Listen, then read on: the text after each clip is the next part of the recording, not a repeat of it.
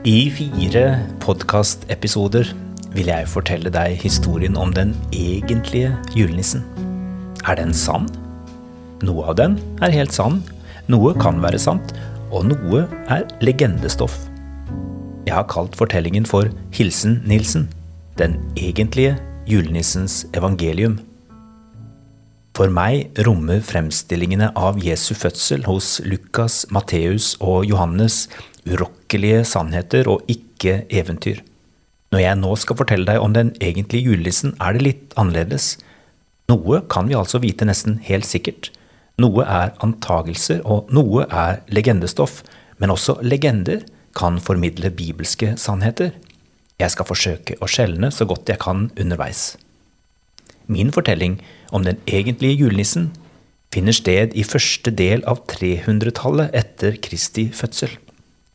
Det er en ganske annen fortelling enn den nyere og ganske fantasifulle fortellingen om han som bor på Nordpolen og kjører med reinsdyrslede for å dele ut pakkene sine natt til første juledag.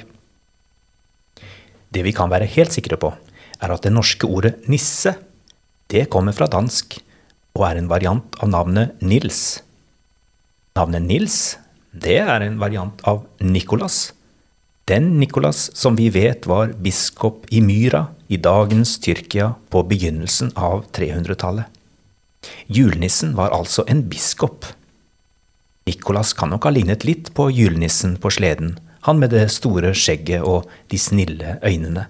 I hvert fall hvis de har rett, de som tegnet ikoner, bilder av han som senere ble gjort til helgen, innenfor den katolske kirka og kalt Sankt Nikolas eller Santa Claus på engelsk.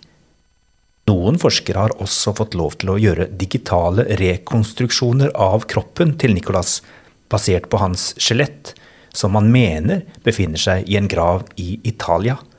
Også de viser et ansikt som har mye til felles med moderne fremstillinger av julenissen. Noen som derimot ikke ligner særlig mye på Nicolas, er de gamle norske fjøsnissene. At vi en gang i tiden begynte å kalle dem for nisser, er en historisk sammenblanding. For de er ikke etterkommere av biskop Nicolas Amyra.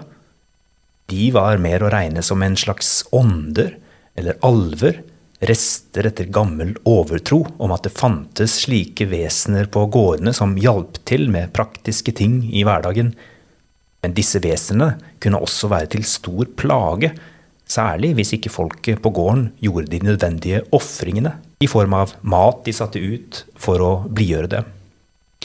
Nei, slike lunefulle nisser, eller garvorder, som de opprinnelig hette, hadde lite til felles med den gavmilde Nils, eller Nikolas.